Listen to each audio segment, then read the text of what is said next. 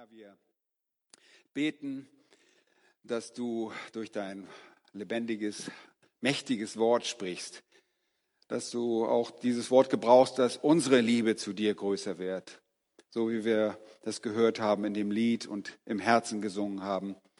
Herr, wir möchten, dass du unsere erste Liebe bist, dass uns nichts ablenkt, dass du den Platz hast, der alles regiert. Herr, das wünschen wir uns so sehr. Danke, dass der Text, den wir uns heute ansehen, auch Grund dazu gibt und Anlass gibt dazu, dich zu loben, dich zu preisen und dich mehr zu lieben. Wir sind dankbar dafür. Danken dir auch für die beiden Männer, die sich auch in, nicht nur in den Musikdienst, sondern in die Gemeinde investieren und ihr Leben geben, um ja, dein Evangelium zu verbreiten. Segne sie im kommenden Lebensjahr, stärke sie, ermutige sie, baue du sie auf, richte sie auf und lass sie dich mehr lieben denn je zuvor. Und so bitten wir, rede du zu uns, gib Gnade zum Reden und zum Hören um deines Namens willen. Amen. Ja, ihr Lieben, Jesus ist auf dem Höhepunkt seines reisenden Dienstes. Und wir kommen zu Markus Kapitel 8. Der primäre Dienst in Galiläa um den See Genezareth hatte bereits sein Ende gefunden und selbst der Dienst in den umliegenden Gegenden kommt langsam zu einem Schluss. Vereinzelt tritt Jesus zwar hier und dort noch auf, aber die Wende in seinem Dienst zeichnet sich mehr und mehr ab. Er zieht sich zurück und schützt somit vor einer vorzeitigen Eskalation aus den Konflikten mit den tödlichen Absichten der religiösen Elite seines Landes. Jesus befindet sich auf einer Rückzugsreise, und zwar in dem Sinne, dass er sich und seine Jünger schützt und sich ihnen dabei auf eine intensivere Weise widmet. Und er teilt ihnen auf dieser Reise wichtige Lektionen, die sie unbedingt vor ihrer Sendung, ihrem Sendungsauftrag lernen mussten, mit. Und diese Sendung stand schon bald in Aussicht. In weniger als einem Jahr, vielleicht waren es nur noch zehn oder neun Monate, bis zu dem Zeitpunkt, an dem sie volle Verantwortung übernehmen sollten. Das nächste Pfingstfest war der Startschuss der Gemeinde, an dem sie auch keine geringfügige Rolle einnehmen sollten.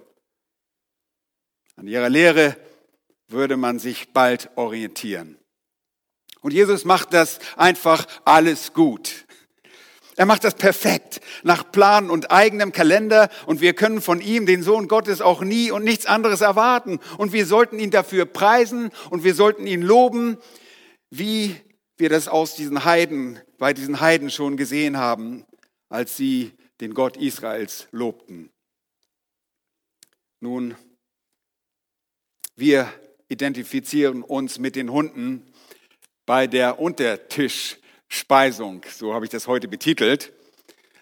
Die Speisung der Untertischhunde oder die, die Untertischspeisung der Hunde. Und Jesus macht das so gut, dass ich das äh, einfach aufgreifen möchte. Ich greife bei meiner Betitelung die Begrifflichkeit auf, die die syrophönizische Frau in der Gegend von Tyrus und Sidon im Gespräch mit Jesus eingebracht hatte. Und ich erkläre das nicht mehr umfassend. Die Verwendung von Hunden ist nicht rassistisch abwertend gemeint, sondern ein Begriff der Demut drückt er aus, den wir, denn wir realisieren, dass wir in Bezug auf das Evangelium solche sind, die von den Juden profitieren. Ihnen zuerst, den Kindern, um die Metapher fortzuführen, wurde das Wort Gottes, wurden die Aussprüche Gottes bekannt gemacht. Ihnen zuerst erschien der Christus. Nun auch den Heiden den aus den Nationen, die in Christus gemäß der uralten Verheißung an Abraham, von dem wir heute schon gelesen haben, gesegnet werden sollten. Abraham nämlich wurde ein Same versprochen, durch den alle Geschlechter der Erde gesegnet werden sollten. Und dieser Same, dieser Nachkomme, Nachkomme war jetzt da, in der Person des Herrn Jesus Christus, leibhaftig. Und er wirkte zunächst unter seinem Volk und nach dessen genereller Ablehnung wendet er sich auch den Nationen zu. Und die Nationen waren in diesem Fall bei Jesu Erteilen der Lektionen für die Jünger die unmittelbar umliegenden Gebiete der Heiden, die er zusammen mit ihnen besuchte. Gebiete, die an Galiläa angrenzten. Gebiete, die ihr in der vergangenen Wochen, Woche hoffentlich anhand einer Karte identifiziert habt. Habt ihr das? Ja, habt ihr. Da waren die, da war das äh, Syrophönizien im Gegensatz zu dem Libo-Phönizien, das in Nordafrika ist. Die Phönizier waren überall verbreitet, aber die Syrophönizier waren durch die Syrer beherrscht, deshalb Syrophönizien.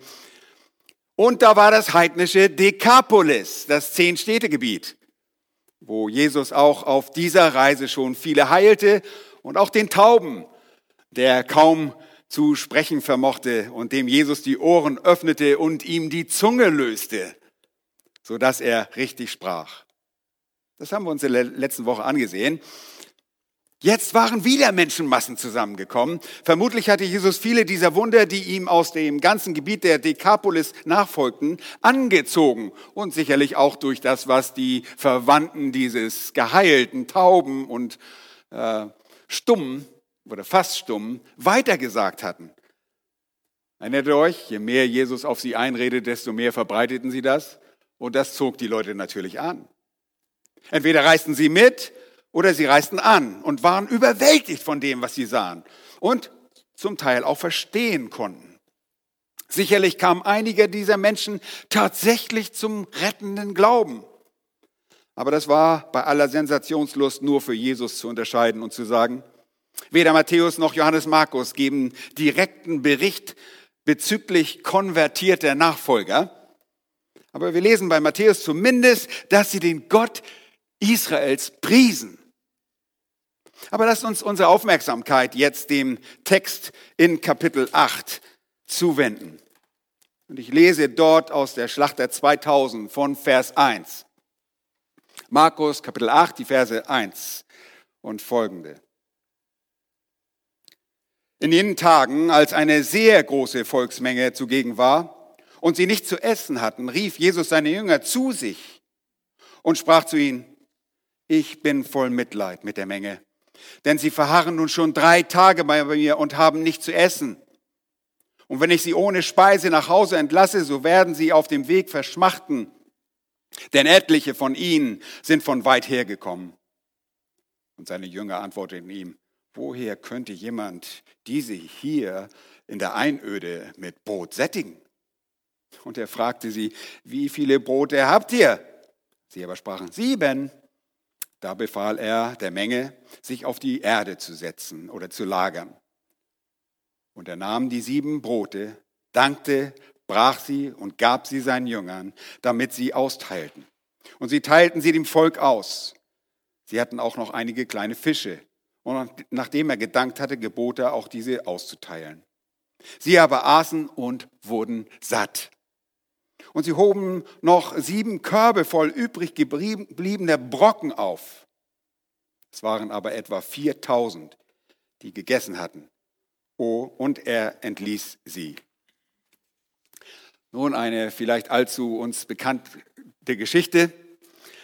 Und wie gesagt, ich habe diesen Abschnitt wie schon erwähnt, die Untertischspeisung der Hunde genannt und bete, dass ihr euch künftig daran erinnern könnt, dass diese zweite, dieses zweite Brot- und Fischwunder der 4000 mit den Heiden, den Hunden zu tun hat. Das erste und ähnliche Wunder innerhalb des Gebietes von Galiläa, wahrscheinlich nur einige Kilometer nördlich von dem jetzigen Standort entfernt, betraf vornehmlich die Juden. Und der Begriff Untertischspeisung ist in meiner Verwendung doppeldeutig. Zum einen hat das Nähren der Hunde unter dem Tisch, so wie die syrophönizische Frau dieses Wortspiel betreibt, gar nichts mit Nahrung zu tun, sondern weist allein auf die Tatsache hin, dass der Segen, der zuerst den Kindern, dem auserwählten Volk Israel galt, auch den Heiden, den Hunden zuteil werden sollte. Und das ist hier jetzt der Fall und war schon in den vorhergehenden Geschichten auf dieser ganzen Rückzugsreise Jesu zu sehen. Als der griechischen Frau geholfen wurde, sie den Messias erkannte und als ein tauber Mann aus diesem heidnischen Gebiet den Segen des Messias erfahren durfte. Auch hier sehen wir, dass die Heiden unter den Segen kommen. Und das ist mein erster Punkt. Jesus verbringt Zeit mit den Heiden. Was für ein wunderbarer Segen. Jesus verbringt Zeit mit den Heiden. Und das ist an sich schon die erste erstaunliche Sache, das, dieses erstaunliche Verhalten. Und die vorherrschende Prägung im Judentum war leider eine nicht biblische, eine nicht dem Tanach entsprechende. Und wir sehen die feindliche Gesinnung gegenüber den außerhalb von Israel lebenden Menschen mehrfach im Alten Testament aufgezeichnet. Da ist die Geschichte von Jona, der nicht nach Ninive reisen wollte, weil die Assyrer schreckliche Erzfeinde der Israeliten waren und er befürchtete, dass Jahwe Gott sich ihrer erbarmen würde, was er auch tat. Die Bewohner von Ninive taten Buße, weil sich Jahwe über sie erbarmte. Dass Jesus auch noch durch Sidon geht, das würde den traditionell geprägten Juden geradezu den Magen verdrehen. Sidon war der Sohn Kanaans. Und ihr wisst, die Kanaaniten sollten auf Anordnung Gottes von den Israeliten bei der Landeinnahme durch Josua ausgerottet werden. Was diese aufgrund ihrer Nachlässigkeit, ihrer Sündhaftigkeit, ihres Ungehorsams nur unvollständig taten. Es blieben Kanaaniter im Land und so wurde auch Sidon zum Ärgernis und Feind und die Propheten weissagten sogar gegen Sidon. Und das lasen die Alttestamentler. Die Juden natürlich, die hatten nichts anderes. Den Tanach. Und in Hesekiel 28 heißt es in den Versen 20 bis 23, und das Wort Jahwes erging an mich, nämlich an Hesekiel, Menschensohn, das ist in diesem Fall Hesekiel, richte dein Angesicht gegen Sidon oder Zidon, manchmal mit Z, manchmal mit S geschrieben, und weissage gegen es und sprich, so spricht Gott Jahwe. Siehe, ich komme über dich, Zidon, und will mich verherrlichen in deiner Mitte. Und sie sollen erkennen, dass ich Jahwe bin, wenn ich das Urteil an ihm vollstrecken und mich an ihm heilig erweisen werde. Warum? Denn ich will die Pest zu ihm senden. Wohin? Zu Sidon. Und Blut vergessen auf seine Gassen. Und es sollen Erschlagene in seiner Mitte fallen durch Schwert, das von allen Seiten über es kommt. Und sie sollen erkennen, dass ich Jahwe bin. Diese und ähnliche Worte des Gerichts waren von Jahwe und das Gericht ist auch angemessen. Aber im Nachhinein schürte es den Hass gegenüber diesen Menschen. Und das, weil man die Worte nicht richtig einordnen konnte. Und nun so gab es generell eine Animosität unter den Juden gegen die Ausländer, die Fernen, die Heiden, die Hunde. Und das bezieht sich auch auf die Menschen in der Dekapolis, dem Zehn-Städte-Gebiet. Auch ihre Bewohner waren für die Juden Abscheuung, ab, äh, verabscheuungswürdige Götzenanbeter und Anhänger heidnischer Kulte, in der Verehrung von fremden Gottheiten, fernab vom Segen Jahwes. Dort lebten tatsächlich Gottlose. Und das stimmt, das waren sie. Aber wir sehen genauso, dass der Retter und König, der Herr der Herren bei den Seinen im Eigenland, im eigenen Land nicht williger aufgenommen wurde. Außerdem sagte Jesus ausdrücklich und zuvor auch im Markus-Evangelium, erinnert euch vielleicht in Kapitel 2, nicht die Starken brauchen den Arzt, sondern die Kranken. Ich bin nicht gekommen, Gerechte zu berufen, sondern Sünder zur Buße. Und es waren diesen Heiden gewiss. Sie waren Sünder. Dennoch erwiesen sie sich als letztlich zugänglicher als das eigene Volk von dem Johannes in seinem Evangelium schreibt, er kam in sein Eigentum und die Seinen nahmen ihn nicht auf. Das brauchst du mir und ich habe alles fertig, ich brauche keine Hilfe. Jesus, der aber weder durch die, eine gesellschaftliche Prägung bestimmt wurde, noch durch sonstige Einflüssige negativ gegenüber den Heiden eingestellt war, verbringt also für die Juden überraschenderweise viel Zeit an diesen Orten und besonders in der Dekapolis. Schaut mal mit mir in Vers 1. Da heißt es in jenen Tagen, als, und die Elbefelder fügt noch ein Adverb, Palin, wieder hinzu, als wieder eine sehr große Volksmenge zugegen war, und das trennt möglicherweise die Ansammlung der Menschen von der vorherigen Geschichte, von den Ansammlungen de, der Begebenheit zuvor. Und selbst wenn das nicht so sein sollte, Jesus war schon eine Weile in der Dekapolis, dem Gebiet der Liga der zehn heidnischen Städte. Und in Vers 2 lesen wir jetzt, ich bin voll Mitleid mit der Menge, denn sie verharren schon drei Tage bei mir. Drei Tage. Ich glaube, das ist eine gewisse Menschenmenge, die ihm in diesem Gebiet zum einen nachfolgte. Und als sie an den Rand des Sees Genezareth kommen, sind viele von ihnen weit von ihren eigenen Wohnungen entfernt. Und das wird auch durch die Aussage in Vers 3 gestützt, als Jesus sagt, wenn ich sie jetzt ohne Speise nach Hause entlasse, so werden sie auf dem Weg verschmachten, denn etliche von ihnen sind von weit hergekommen. Er verbrachte Zeit mit ihnen. Seht ihr, Jesus ist in der Gefolgschaft vieler Heiden. Es ist möglich, dass auch Juden unter ihnen waren. Es lebten auch vereinzelt Juden in der Dekapolis, aber nicht so sehr viele. Er verbringt mehr Zeit mit diesen Menschen, als es mit den Einheimischen bei der Speisung der 5000 der Fall war. Dort war es nur, wie ihr wisst, ein, ein Tag, ein Nachmittag, der eine Tag. Und die Menschen hatten offenbar nicht einmal eine Pick, ihre Picknickpakete dabei. Hier waren es bereits drei Tage, dass Menschen aus der Dekapolis bei Jesus waren. Und wir können mit ziemlicher Gewissheit sagen, dass Jesus dort auch lehrte. Nochmals, das war auf dieser Reise nicht die Hauptabsicht, als Jesus sich auf den Weg in diese Gebiete begab. Aber hier zum Ende dieser Tour muss es so gewesen sein, denn Jesus würde gewiss keine wortlosen Heilungskampagnen durchführen. Das machen vielleicht extreme Charismatiker. Da wird viel Hokuspokus gemacht, aber wenig gelehrt. Aber nicht bei Jesus. Selbst wenn sein Erbarmen, sein Mitleid ihn zum Handeln antrieb, Wahres Erbarmen kam im Leben unseres Herrn Jesus Christus wie zum Ausdruck? Das haben wir schon gelernt im Markus-Evangelium. Das kommt durch Belehrung zum Ausdruck. Das ist wahre Barmherzigkeit. Aber lasst uns bleiben bei dem, was geschrieben steht. Johannes Markus hat unter der Leitung des Heiligen Geistes eine bestimmte, eine bestimmte Absicht. Und er zeigt uns keine Lehrinhalte sondern das wunderbare Wesen unseres Heilandes in seinem Handeln. Er nimmt sich Zeit für Menschen, die vor Götzen niederfielen, die dem Baal huldigten, die der Astarte ergeben waren oder der Tyche, einer griechischen Gottheit, des Zufalls, des Schicksals, des bösen oder auch guten Schicksals.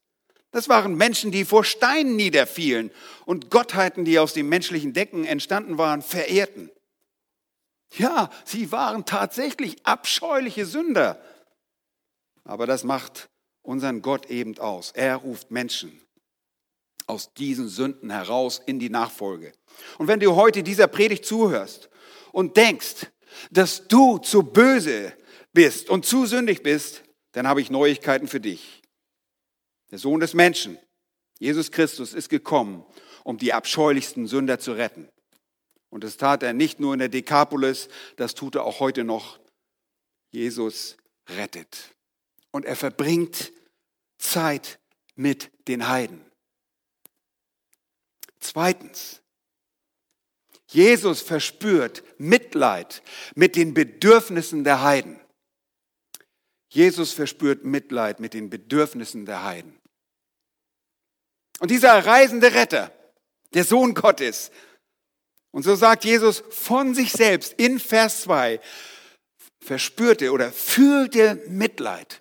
Da steht, ich bin voll Mitleid mit der Menge.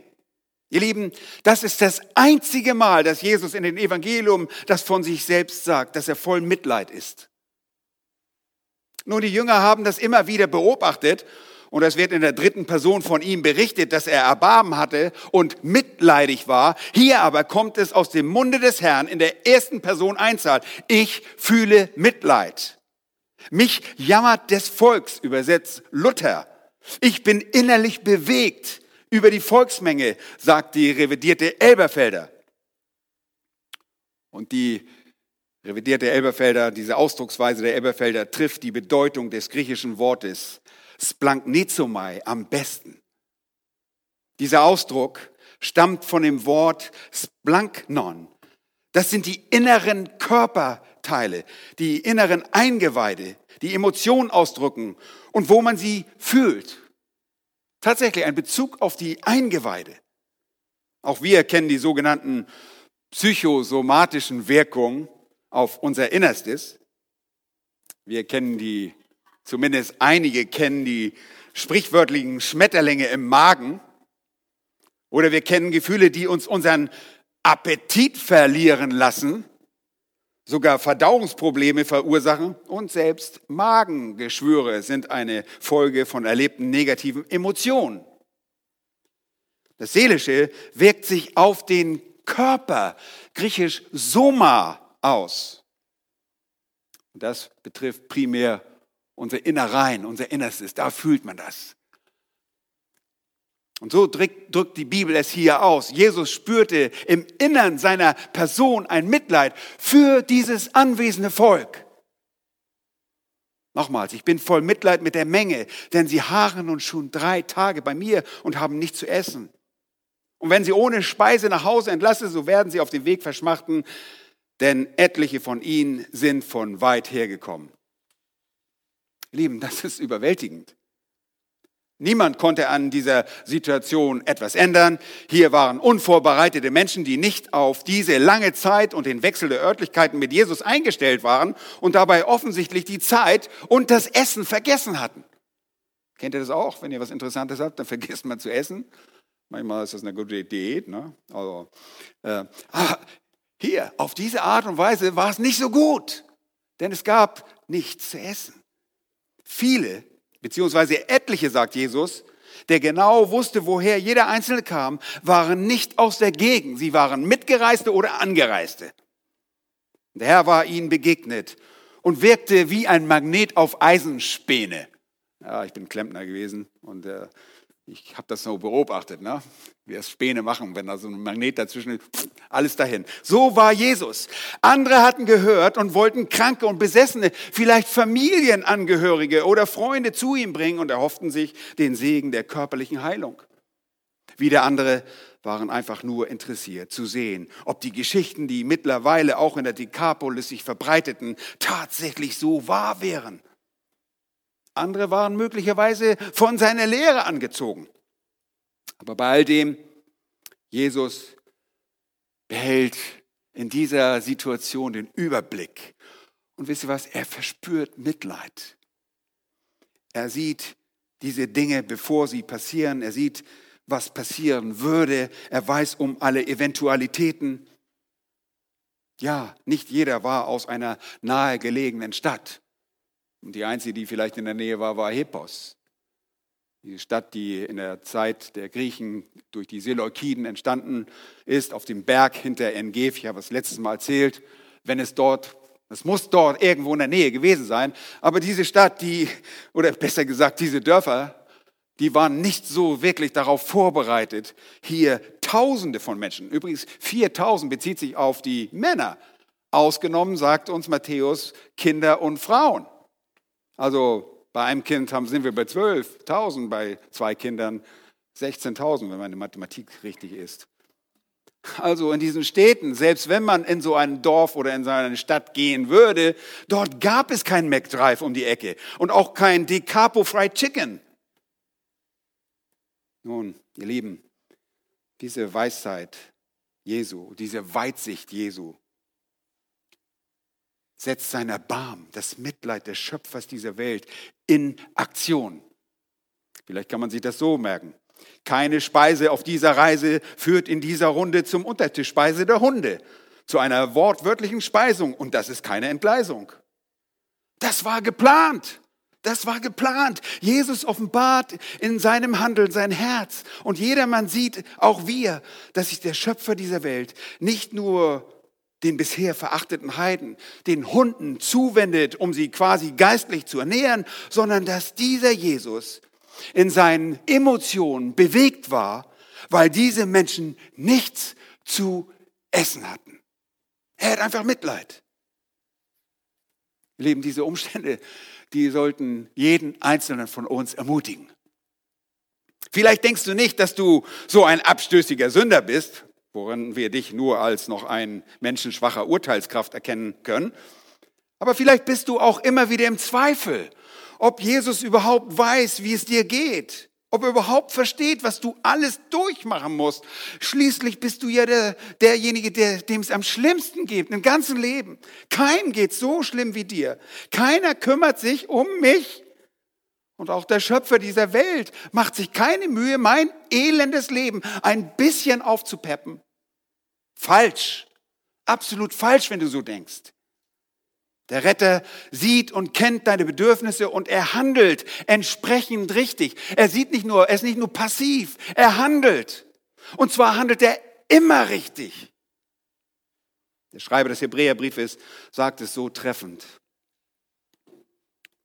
In Kapitel 4, Vers 14 sagt er, da wir nun einen großen hohen Priester haben, der die Himmel durchschritten hat, Jesus, den Sohn Gottes, so lasst uns festhalten an dem Bekenntnis, an unserem Glauben. Denn wir haben nicht einen hohen Priester, der kein Mitleid haben könnte mit unseren Schwachheiten, sondern einen, der in allem versucht worden ist, in ähnlicher Weise wie wir, doch ohne Sünde. Seht ihr, er spricht von einem hohen Priester, der Mitleid hat. Zweimal negativ, positiv. Er hat Mitleid. So lasst uns nun freimütig hinzutreten zum Thron der Gnade, sagt er, damit wir Barmherzigkeit erlangen und Gnade finden zur rechtzeitigen Hilfe.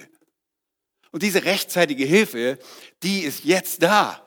Jahwe ist da. Jahwe, der versorgt. Jahwe Jere ist das, glaube ich, ne? was wir gerade gelesen haben in der Schriftlesung. Er ist der, der dafür sorgt. Und er sorgt jetzt dafür. Der große hohe Priester Jesus gibt diesen Menschen hier rechtzeitige Hilfe und er sieht den Kummer, er kennt deine Bedürfnisse und er sieht deine Sorge und Sünde. Und er weiß um Krankheit und Schwachheiten und bei all dem ist er nicht am Schlafen. Es gibt keine Schlummerstunden bei ihm, erinnert ihr euch? Er ist auch nicht kraftlos geworden, müde oder krank, was sagte Elia noch zu den Baalsanbetern über ihren Gott, als dieser nicht antwortete? Da sagt es, ich lese, als es nun Mittag war, spottete Elia über sie und sprach, ruft laut, ruft laut, denn er ist ja ein Gott, vielleicht denkt er nach oder er ist beiseite getreten, das heißt, getreten, gegangen, der ist auf Toilette gegangen oder ist auf Reisen oder er schläft vielleicht und wird aufwachen. Nein, ihr Lieben, nicht so unser Herr. Er sieht und er handelt immer. So wie in unserer Geschichte bei den Heiden der Dekapolis. Ihr Lieben, dabei hätte, ich, hätte sich jeder Dekapolianer aufmachen können und sich selbst versorgen sollen. Und so erwuchs aus diesem Umstand, der eigentlich nur geringen Aufwand zur Stillung des Verlangens nach Essen gebraucht hätte, wenn diese Menschen mitgedacht hätten, es erwuchs ein Problem und das Mitgefühl unseres Herrn ist erregt in dieser kleinen, eigentlich kleinen Sache weil diese Zuschauer, weil diese Zuhörer nicht mitgedacht haben,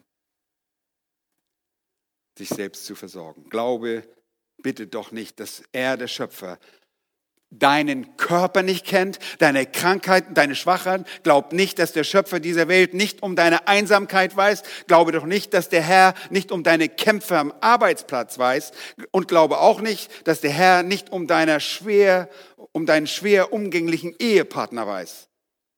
Er hat das alles im Blick und handelt immer so, wie es zeitig, richtig und für, den, für dich am besten sein wird. Glaubt ihr das? Nun, wenn du gerade denkst, aber er tut ja gar nichts, dann bist du einfach nur blind. Denn die Schrift lehrt es überall, dass der Herr für dich sorgt. Du musst nicht alles mitbekommen, was er für dich tut. Der macht viel mehr, als du siehst. Aber er macht was. Und du musst es nur glauben, denn ohne Glauben kannst du ihm nicht gefallen. Das sagt der Schreiber des Hebräerbriefes in Kapitel 11 sehr deutlich. Er kümmert sich um dich. Er hat Erbarmen. Nicht nur mit den Heiden dort, sondern auch mit uns. Oh, und du meinst vielleicht, dass er das tun soll, was du willst. Aber das ist falsch. Jesus lehrte im Vater unser, dein Wille geschehe wie im Himmel, so auf dem Mond. Nee, auf der Erde. Er macht es richtig. Und das hatten die Dekapolianer sogar erkannt. Erinnert euch? Sie sagten, er hat alles wohl gemacht. Und so bekannten sie und priesen sie den Gott Israels. Diese Fürsorge bezieht sich auf alle Bereiche deines Lebens. Leute, Jesus ist nicht nur ein Ohrenspezialist oder ein Logopäde par excellence. Er ist in allen Bereichen des Lobes, des Lobes würdig. Ist das nicht so? Und schaut mal, was Jesus darauf macht. Vers 4. Und seine Jünger antworteten ihm, woher könnte jemand diese hier in der Einöde mit Brot sättigen? Hm. Und er fragte sie, wie viele Brote habt ihr? Sie aber sprachen sieben. Da befahl er der Menge, sich auf die Erde zu lagern. Und er nahm die sieben Brote, dankte, brach sie, gab sie seinen Jüngern, damit sie sie austeilten. Und sie teilten sie dem Volk aus. Sie hatten auch noch einige kleine Fische. Und nachdem er gedankt hatte, gebot er auch diese auszuteilen. Sie aber aßen und wurden satt. Und sie hoben noch sieben Körbe voll übrig gebliebener Brocken auf. Jesus schafft das Essen dass die Menschenmengen sich nicht selbst beschaffen konnten. Und was macht er dabei? Er involviert wieder seine Jünger und vervollständigt ihre Verständnislücken durch diese Handlung. Man könnte sagen, guckt nicht in die Runde, der Segen ist auch für die Hunde. Nun, Jesus verspürt also Mitleid mit den Bedürfnissen der Heiden. Der dritte Punkt.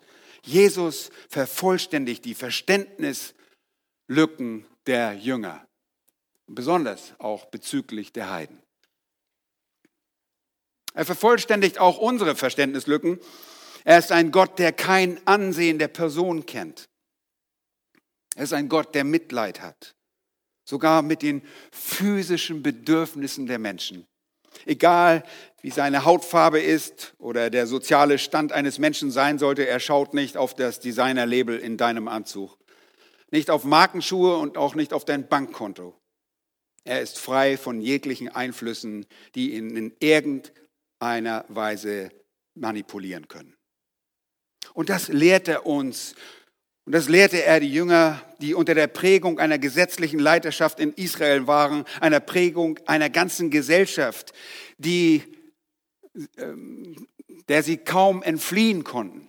Sie waren Kinder dieser Gesellschaft und wurden dadurch geprägt. Und Jesus hat ein Auge sogar für die geringsten Bedürfnisse, auch wenn wir selbst dafür hätten sorgen können. Vielleicht denkst du, ja, ich habe das verpasst. Wisst ihr was? Dein Gott verpasst es nicht. Er ist weitherzig und er ruft gottlose Götzendiener, die abscheulichsten Sünder wie dich und mich, Verbrecher, die seinen Namen zuvor lästerten, in seine Gefolgschaft. Wenn das nicht so wäre, dann säße keiner von uns heute hier. Und er lässt die Jünger dieses Brot und Fisch und Vermehrungswunder, dieses Brot-Fisch-Vermehrungswunder gleich zweimal erleben. In Kapitel 6 und jetzt in Kapitel 8. Er macht ihnen damit deutlich, dass es im Umgang mit den vornehmlich anwesenden Juden, die bei der ersten Speisung der 5000 anwesend war, und dem Umgang mit den Dekapolianern keinen wesentlichen Unterschied gibt. Die Worte sind bei diesen Wundern sehr ähnlich, und das hat viele liberale Theologen dazu geführt, anzunehmen, dass dies sich um bestimmte Dubletten, Doppelungen aus einer einzigen Begebenheit entwickelt haben.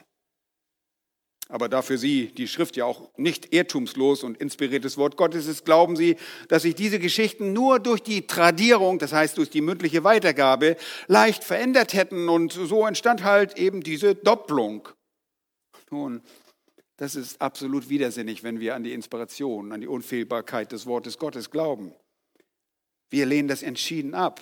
Die Schrift macht zwischen diesen beiden Ereignissen einige wesentliche Unterschiede.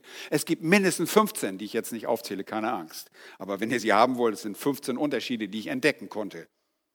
Und das ist nicht nur die Differenz der hier weniger erzählenden Familienhäupter von 1000 Mann, Es gibt noch viel größere Unterschiede. Jesus teilte den Jüngern also hier auch an dieser Stelle sein Herz mit. Er sagt, er hätte Mitleid. Er sagt es ihnen. Und diese Antworten auf diese Emotion des Herrn in Vers 4. Und seine Jünger antworteten. Er hat nicht eine Frage gestellt, er hat, er hat einfach seine Emotion mitgeteilt. Woher könnte jemand, jetzt stellen Sie die Frage, diese hier in der Einöde mit Brot sättigen? Oh, sie hatten sicherlich nicht vergessen, was nur wenige Monate kurz vor dem Passor, Passa im Jahr 29 mit den 5000 plus, also vielleicht 15 bis 20.000, wir wissen nicht wie viele, aber da ist eben auch dasselbe, trifft zu, 5000 Männer ohne die Frauen und die Kinder. Das haben sie nicht vergessen. So etwas vergisst man nicht. Aber sie könnten nur wieder zugeben an dieser Stelle und sie können zugeben, dass es nicht in ihrer Macht stand, an diesen Umständen, hier in dieser Einöde, in der sie sich befanden, etwas zu ändern. Woher könnte jemand in dieser Einöde sie mit Brot sättigen? Menschlich gesehen vollkommen korrekte Antwort. Erwarteten sie vielleicht nicht, dass Jesus ein solches Wunder auch für die Heiden tun würde? Und offenbar nicht. Wir wissen es nicht. Noch Jahre später sind die Jünger davon beeindruckt, dass selbst der Heilige Geist den Heiden gegeben wurde. Und jetzt würde er sich diesen Heiden zuwenden? Nun, diese Lektion war sehr, sehr wichtig für die Jünger. Jesus ist geschickt und er nimmt die Jünger in dieses ganze Geschehen hinein, denn ihre Herzen waren hart und selbst die Teilhabe an den wiederholenden Segnungen ließ sie nur langsam, langsam, sehr langsam erkennen. Die sind so ähnlich wie wir, oder? Ja, diese überwältigenden Wahrheiten sinken einfach nur langsam ein. Ich meine, kennst du das nicht? Wir leben den Herrn und gehen lobend und preisen, ziehen wir aus dem Gottesdienst oder irgendeiner geistlichen Veranstaltung nach Hause und sind bald wieder gefangen in alten Wegen und vergessen, wozu der Herr in der Lage ist. Dank dem Herrn, dass er Wiederholungen schenkt. Er wiederholt diese Dinge nicht nur für, ihn, für die ihm folgenden zukünftigen Apostel, sondern auch wir profitieren und können diese Geschichten immer und immer wieder lesen und wisst ihr was? Wir lesen das immer wieder. Wir sind praktisch immer wieder dabei und handeln dennoch so dumm. Ist es nicht so? Als hätten wir diese Wunder Jesu nie stattgefunden. Aber er involviert die Jünger. Schaut mal in Vers 5. Und er fragte sie, wie viel Brote habt ihr? Sie aber sprachen sieben. Da befahl er der Menge, sich auf die Erde zu lagern. Eine ähnliche Prozedur wie zuvor in auf dem Boden Galiläas bei der Speisung der 5000 in Kapitel 6. Nur, dass das grüne Gras in der Zwischenzeit verbrannt war. Denn es wird über die Sommermonate in diesen Gebieten sehr heiß und das Gras hat keine Überlebenschancen. Weiter in Vers 6. Und er nahm die sieben Brote, dankte, brach sie und gab sie seinen Jüngern, damit sie sie austeilten. Und sie teilten sie dem Volk aus. Ihr Lieben, immer noch ist es so überwältigend, darüber nachzudenken, was dort am Ostufer des Sees oder der Nähe des Ostufers in der Dekapolis in diesen Momenten geschah. Hier sind die ersten drei Verben aus diesem Vers. Das Nehmen in Vers 6, Nehmen, Danken und Brechen sind äh, als in einem griechischen Aurist aufgezeichnet, was so viel bedeutet, dass diese Dinge abgeschlossene, punktuelle Handlungen waren. Damit war er fertig.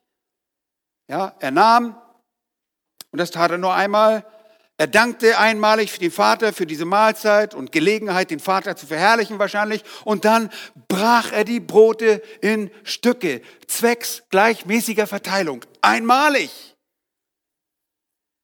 Und hier geht es weiter.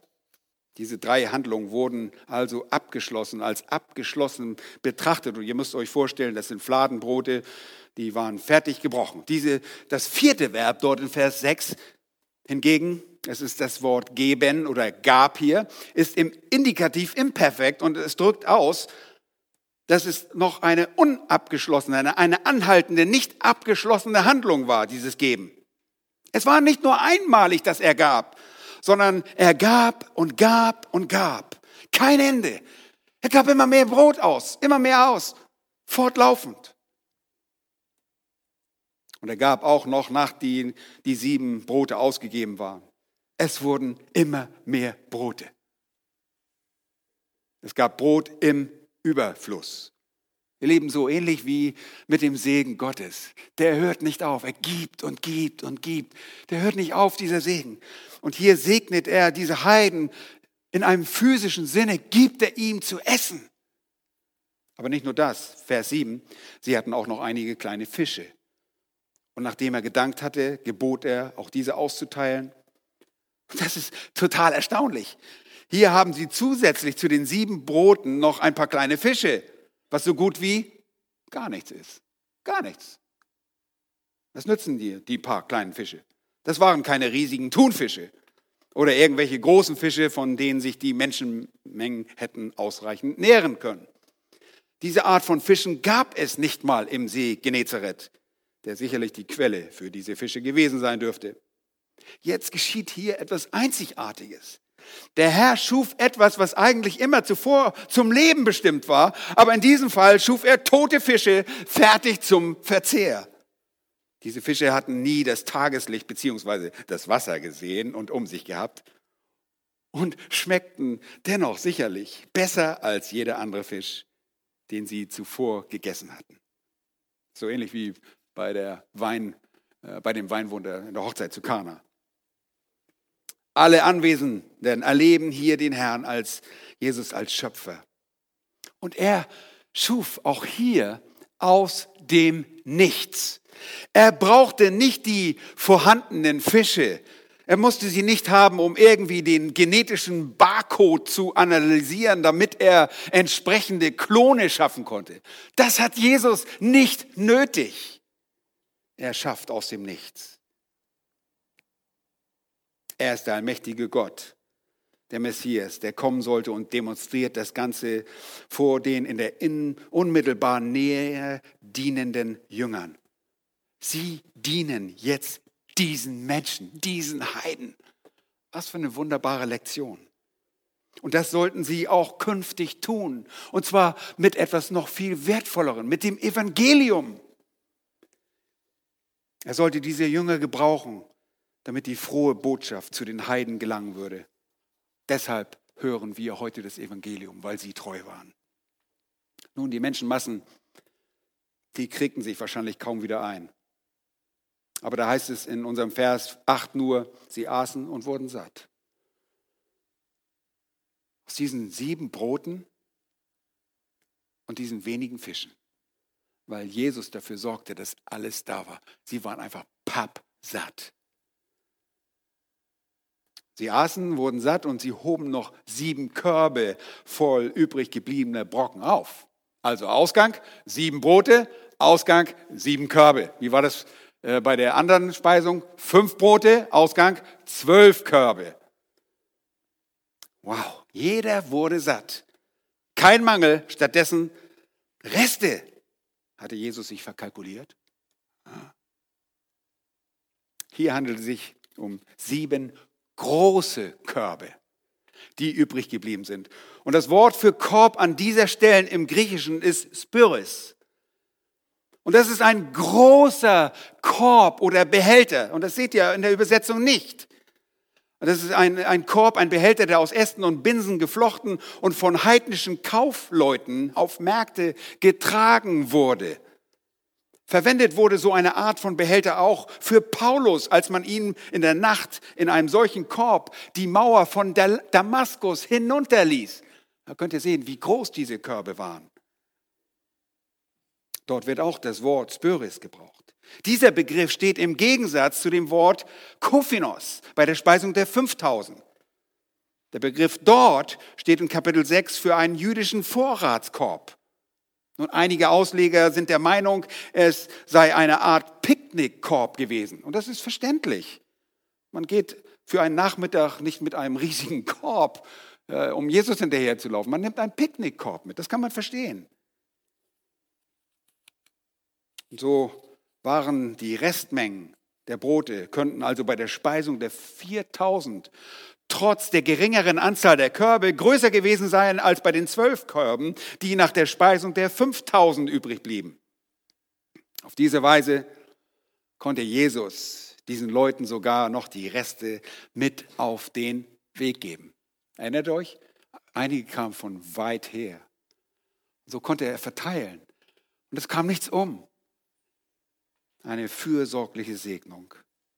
Eine Untertischspeisung mit tatsächlicher Speise. Und es waren etwa 4000, die gegessen hatten und er entließ sie. Nun auch nach der Speisung der 5000 entließ er das Volk. Es war jetzt für Jesus einfach an der Zeit weiterzusehen, ziehen, weiterzuziehen. Diese Art von Wunder konnte Jesus nicht dauerhaft und andauernd vollbringen, nicht weil er nicht die Kraft hätte, denn die Menschenmengen hätten ihn geradezu eingeschnürt und ihn ohne göttliches Nachhilfen bei seiner Bewegungsfreiheit eingeschränkt. Und wir wissen auch, dass er nicht zu diesen Zwecken gekommen war, sondern er kam, um zu lehren. Und dies hier war eine große Lehre für seine Jünger, auch ohne große Worte. Nun, was lernst du aus dieser Berichterstattung? Hat der Geist Gottes dir zeigen können, wer der Herr Jesus ist? Oder ist dein Herz noch so träge, dass du nicht die Implikationen dieser Textaussagen auf dein eigenes Leben anwenden könntest? Wenn Jesus hiermit klarstellte, dass die Heiden auch den, in, den Segnungen, in die Segnung hineingenommen werden sollen, warum machen wir dann auch selbst manchmal Abstriche? Warum diskriminieren wir gegen die uns besonders schändlich erscheinenden Sünder und stufen ab und sagen, huh, so ein Sünder? Das hat Jesus bei dir auch nicht getan, sonst wärst du gar nicht hier. Lasst uns die über die vielfältigen Anwendungsmöglichkeiten des Textes nachdenken. Und ich bin gespannt, was wir in der nächsten Wachstumsgruppe alles rausfinden können darüber, was bei der Untertischspeisung der Hunde alles zum Vorschein kommt. Eine Menge über das Wesen unseres Herrn. Er ist so wunderbar. Lasst uns ihm dafür danken ihn preisen. Wir sind dazu aufgerufen, als Nation ihn zu loben und zu preisen für seine Gnade, seine Barmherzigkeit, sein Mittelgefühl. Wenn du den Herrn Jesus nicht kennst, er will sich deiner erbarmen. Wenn du festgestellt hast, dass du vor ihm aufgrund deiner Sünde nicht bestehen kannst, dann beuge du deine Knie. Wenn du weißt, dass er dich strafen muss und Gott muss, ist heilig. Er ist nicht einfach nur jemand, der alle Sünde wegwischt, sondern er musste für diese Sünde sterben. Und er ist jetzt auf den Weg dahin, an zum, auf das, zum Kreuz zu gehen. Und wenig später in Kapitel 8 drückt er das aus, kommt die erste Ankündigung seines Todes durch die hohen Priester, durch die Obersten des Landes. Und dort beginnt für ihn die Via della Rosa, der Leidensweg Richtung Jerusalem. Wenn du das nicht kennst, wenn du nicht weißt, was es bedeutet, nimm dir die Bibel zur Hand. Such Christen auf, die dir das besser erklären können. Wende dich an Jesus. Er wird sich dir an, er wird sich deiner annehmen und dich nicht wegstoßen. Keine Sünde ist zu groß. Dafür musste er kommen. Und er will vergeben, weil er selbst den Preis, die Strafe bezahlt hat am Kreuz auf Golgatha. Und wenn du das im Glauben annimmst, dass sein stellvertretender Tod die Bezahlung, die Sühnung für deine Sünde ist, so wirst du ewiges Leben haben. Und er wird dir sagen, wie du leben sollst. Ordne dich ihm unter, folge ihm. Lass uns beten. Herr, wir danken dir von Herzen für diese so anschaulichen Lektionen auf dieser Rückzugsreise, zunächst in Syrophönizien und auch die Wunder, die du tat, getan hast unter den Menschen in der Dekapolis, dass du die Lahmen, die Blinden, die Tauben geheilt hast, aber auch, dass du dich um das Volk gekümmert hast, das so hoffnungslos in der Ferne war, abgeschnitten von den Segnungen des Volkes Israels, die fern waren, auch von ihnen hast du einige gerettet. Und auch heute hast du deine Verheißung wahrgemacht, dass du Menschen gerettet hast aus den Nationen. Danke, dass deine Verheißungen an Abraham wahr geworden sind, dass du der Messias gekommen bist, dass du den Segen gebracht hast, nicht nur für dein Volk, die jetzt Feinde des Evangeliums sind, aber Geliebte in Bezug auf die Verheißung. Danke, dass wir dein Evangelium verstehen können. Hilf uns, dass wir dieses Evangelium aus Liebe zu dir weiter erzählen. Und es gibt keine Einschränkung heute. Du bist wieder zurück zum Vater gekehrt. Wir dürfen von deinem Evangelium weitersagen. Hilf uns dabei, freimütig zu sein, von dem wunderbaren Wesen deiner Person zu erklären. Du bist ein erbarmender, mitfühlender Gott. Wir loben und preisen dich in Jesu Namen. Amen. Amen. Ja, ihr Lieben, äh, wir beenden hier unseren Gottesdienst und möchten euch nur daran erinnern, wir werden am Mittwochabend und ich lade euch wirklich diesmal herzlich ein, an dem Livestream teilzunehmen. Wir haben seit Donnerstag einen neuen Computer. Die Techniker sind richtig glücklich und ihr werdet hoffentlich auch glücklich sein. Ich weiß, danke für eure Langmut, euren Geduld, eure Geduld mit uns, dass es oftmals nicht geklappt hat. Wir haben wirklich hart daran gearbeitet. Es lag auch nicht mal so sehr an der Hardware, sondern auch an den Programmen. Und, äh, aber jetzt haben wir gute Hardware, schnelle Prozessoren und ein gutes Programm und es sollte klappen. Betet trotzdem dafür. Betet dafür, dass das Wort Gottes sich ausbreitet, auch auf diese Art und Weise. Betet dafür, wenn ähm, Sam uns am Mittwoch den Psalm 51 auslegen wird. Euch eine gesegnete Woche und dem Herrn befohlen. Bleibt treu.